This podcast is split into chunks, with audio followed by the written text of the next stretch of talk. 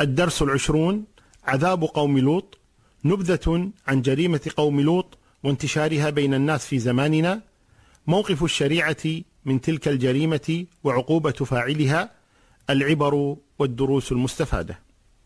وجاء أهل المدينة يستبشرون. قال إن هؤلاء ضيفي فلا تفضحون. واتقوا الله ولا تخزون. قالوا أولم ننهك عن العالمين. قال هؤلاء بناتي إن كنتم فاعلين. لعمرك إنهم لفي سكرتهم يعمهون. فأخذتهم الصيحة مشرقين. فجعلنا عاليها سافلها وأمطرنا عليهم حجارة من سجيل. إن في ذلك لآيات للمتوسمين وإنها لبسبيل مقيم. إن في ذلك لآية للمؤمنين وإن كان أصحاب الأيكة لظالمين. قال تعالى لعمرك إنهم لفي سكرتهم يعمهون. حاول لوط صلوات الله وسلامه عليه كذلك أن يستثير في قومه النخوة والمروءة. فقال فاتقوا الله ولا تخزوني في ضيفي. والخزي هو فضح الإنسان أمام الناس. هذا الخزي أن يفضح أمام الناس. قال فاتقوا الله ولا تخزوني في ضيفي. أليس منكم رجل رشيد؟ واحد واحد فقط يمنع القوم يردهم يدافع يتكلم. وهذا يدل على أن المجتمع ذاك كان فاسدا كله. أليس منكم رجل رشيد؟ وهو كما قيل تجاب لو ناديت حيا ولكن لا حياة لمن تنادي. ما ردوا عليه. والغريب أن أولئك الضيوف مع هذا الحديث الذي كان يدور بين لوط وقومه والخوف الذي اعترى لوطا صلوات الله وسلامه عليه وقوله هذا يوم عصيب وقومه يطرقون عليه الباب أولم ننهك عن العالمين سلم إلينا هؤلاء الرجال اتقوا الله ولا تخزوني في ضيفي والضيوف في منتهى الهدوء ومنتهى السكون لا يهتمون إلى ما يجري بين لوط وقومه صلوات الله وسلامه عليه هنا هونت الضيوف على لوط الأمر. لما قال لقومه أليس منكم رجل رشيد؟ هؤلاء بناتي هن أطهر لكم. لقد علمت ما لنا في بناتك من حق وإنك لتعلم ما نريد أولم ننهك عن العالمين. هنا التفت الضيوف إلى نبي الله لوط وقالوا قالوا يا لوط إنا رسل ربك لن يصلوا إليك. اطمئن. إنا رسل ربك لن يصلوا إليك. ولذلك الأمر كلما ضاق واشتدت المحنة جاء الفرج. من بل يأتي الفرج كالغيث ينزل على الأرض بعد أن اشتدت حاجتها إليه. تذكرون سني يوسف؟ صلوات الله وسلامه ثم يأتي من بعد ذلك سبع شداد يأكلن ما قدمتم لهن إلا قليلا مما تحصنون. ثم يأتي من بعد ذلك عام فيه يغاث الناس. غيث ولذلك لما اشتد الأمر على لوط جاءت النجاة. يا لوط إنا رسل ربك لن يصلوا إليك. في الآية الأخرى قالوا لا تخف ولا تحزن إنا منجوك وأهلك إلا امرأتك كانت من الغابرين. يقول الله جل وعلا. ولقد راودوه عن ضيفه فطمسنا أعينهم فذوقوا عذابي ونذر. وذلك أنهم لما حاولوا كسر الباب على لوط صلوات الله والدخول عليه خرج إليهم جبريل صلوات الله وسلامه عليه فضرب وجوههم بطرف جناحه فطمس الله أعينهم. طمست أعينهم فصاروا يتدافعون. ويصطدم أحدهم بالجدار. لا يدرون أين يذهبون. ثم رجعوا إلى بيوتهم وهددوا لوطا وقال نأتيك غدا. نأتيك أما نرى شيئا سنأتيك غدا. وتوعدوه صلوات الله وسلامه عليه. عندها بعد أن انصرفوا وهدأت الأمور واطمأن نبي الله لوط صلوات الله وسلامه عليه قالت له الملائكة. فأسر بأهلك بقطع من الليل ولا يلتفت منكم أحد إلا امرأتك. إنه مصيبها ما أصابهم. إن موعدهم الصبح أليس الصبح بقريب؟ وهنا قولهم أليس الصبح بقريب؟ وذلك أن لوطا صلوات الله بعد هذه المحنة الشديدة وكيف أنه كما قلنا يعني وقف ذلك الموقف العصيب قالت له الملائكة فأسر بأهلك بقطع من الليل ولا يلتفت منكم أحد إلا امرأتك. فإنه مصيبها ما أصابهم إن موعدهم الصبح. قال لهم لوط فالآن؟ لماذا الصبح؟ الآن؟ فقالت له الملائكة أليس الصبح بقريب؟ موعدهم الصبح والصبح قريب. لأن الأمر ليس بيد الملائكة الملائكة رسل. الأمر لله من قبل ومن بعد سبحانه وتعالى. ولكن هونوا عليه الأمر لما قال لهم طيب الآن؟ إذا كنتم ستهلكوهم الآن؟ قالوا لا. أليس الصبح بقريب؟ انتظر حتى يأتي الصباح. وهنا في قول الله تبارك وتعالى ولا يلتفت منكم أحد إلا امرأتك أو ولا يلتفت منكم أحد إلا امرأتك يعني تكون على الفتح وتكون على الضم. قراءتان سبعيتان صحيحتان.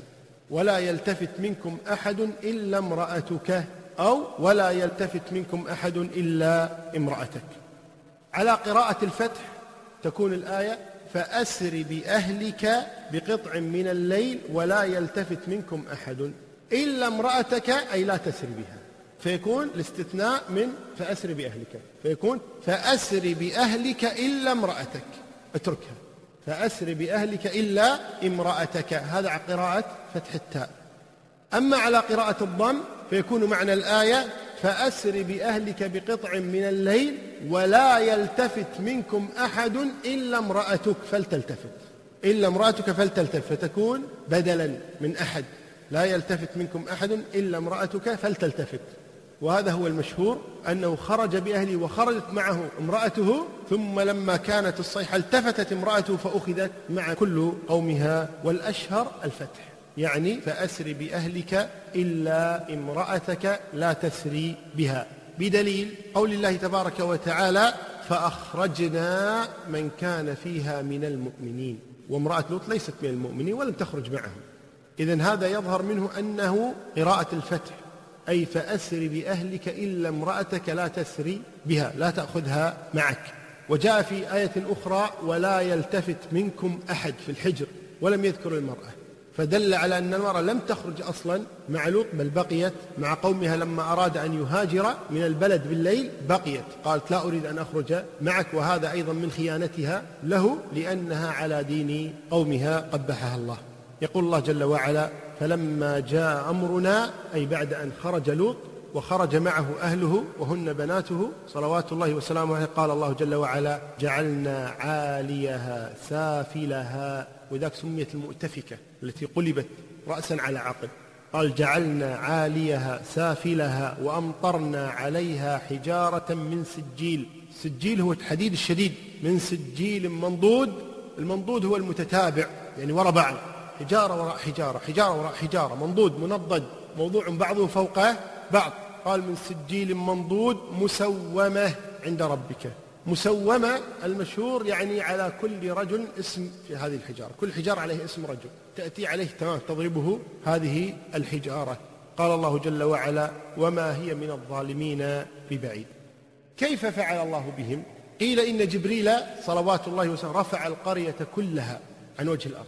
رفع القرية كلها عن وجه الأرض بجناحه حتى بلغ بها السماء الدنيا حتى سمع أهل السماء الدنيا نباح الكلاب وصياح الديكة ثم قلبها ثم جاءتها الحجارة.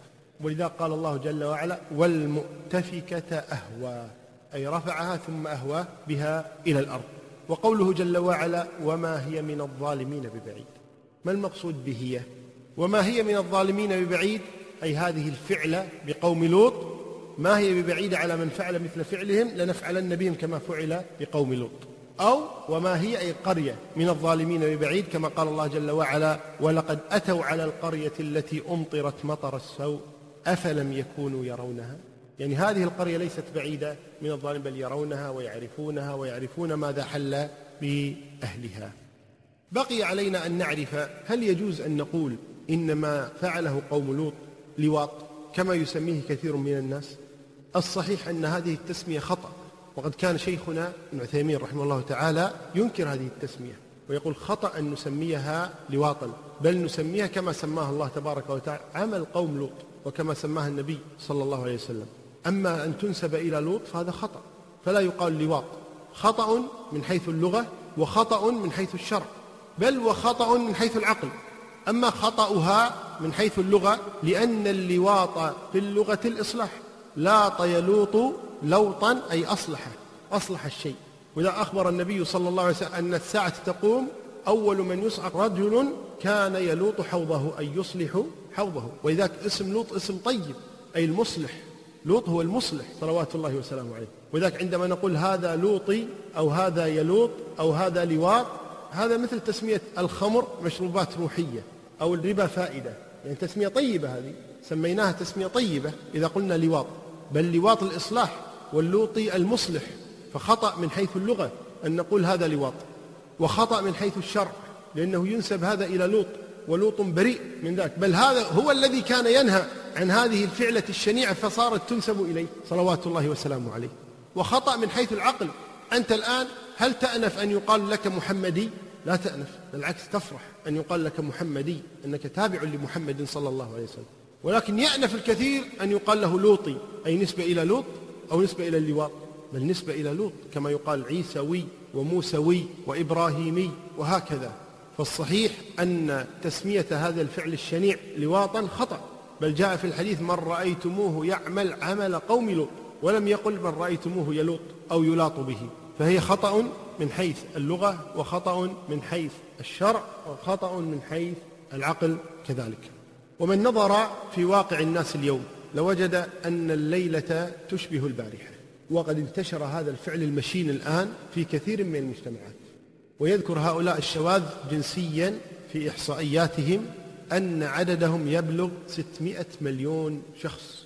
يفتخرون الآن على وجه الأرض بأنهم شواذ جنسيا والعياذ بالله. وهذه بعض الإحصائيات 46% من المصابين بالإيدز هم من هؤلاء الشاذون جنسيا. وأما نسبة المصابين بأمراض جنسية أخرى غير الإيدز كالهربز وغيره فأيضا هؤلاء يمثلون منهم ستين بالمئة. متوسط أعمارهم مع أعمار غيرهم هم أقل عمرا من غيرهم من الناس بخمس وعشرين سنة. وذاك متوسط وفياتهم في الخمسة والثلاثين أكثر وفياتهم في الخمسة والثلاثين ما يعمرون طويلا.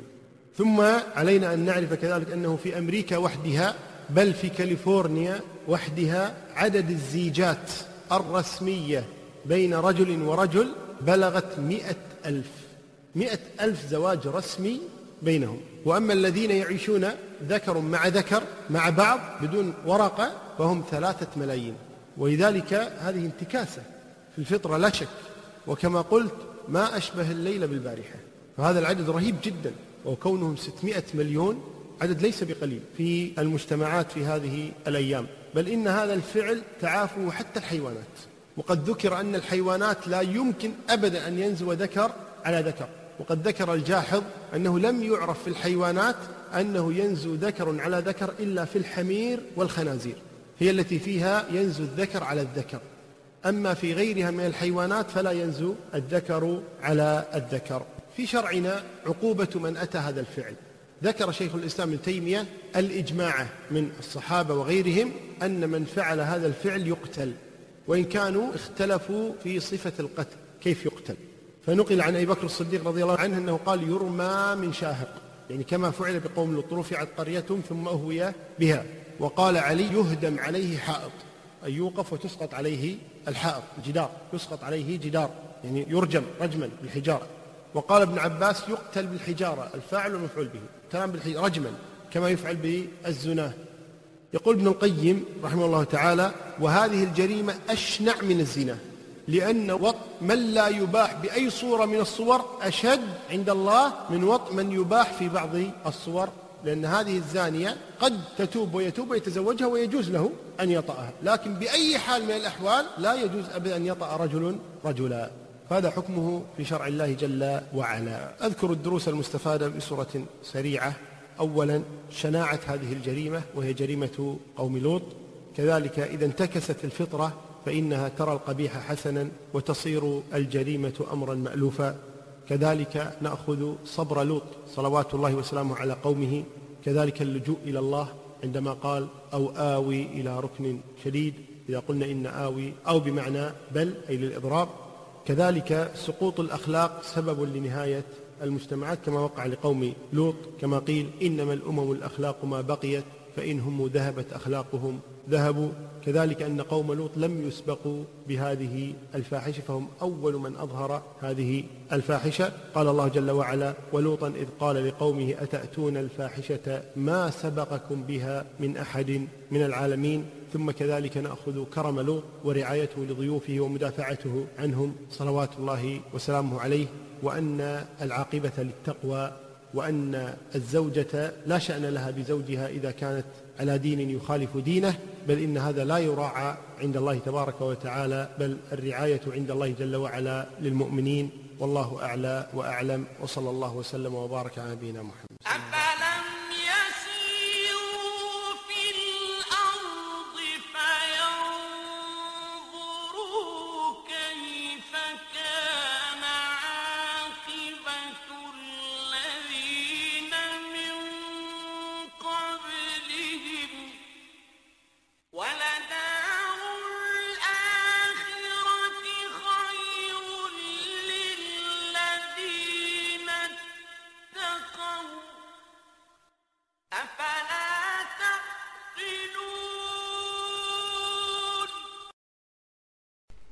جمعية إحياء التراث الإسلامي فرع رميثية وسلوى.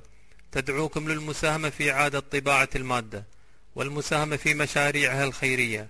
للاتصال تسعة تسعة ثمانية سبعة واحد ثمانية ستة خمسة أو تسعة تسعة واحد واحد تسعة ثلاثة واحد واحد. ولمعرفة مشاريعنا الخيرية وإصداراتنا زوروا موقعنا الإلكتروني تراث kw.com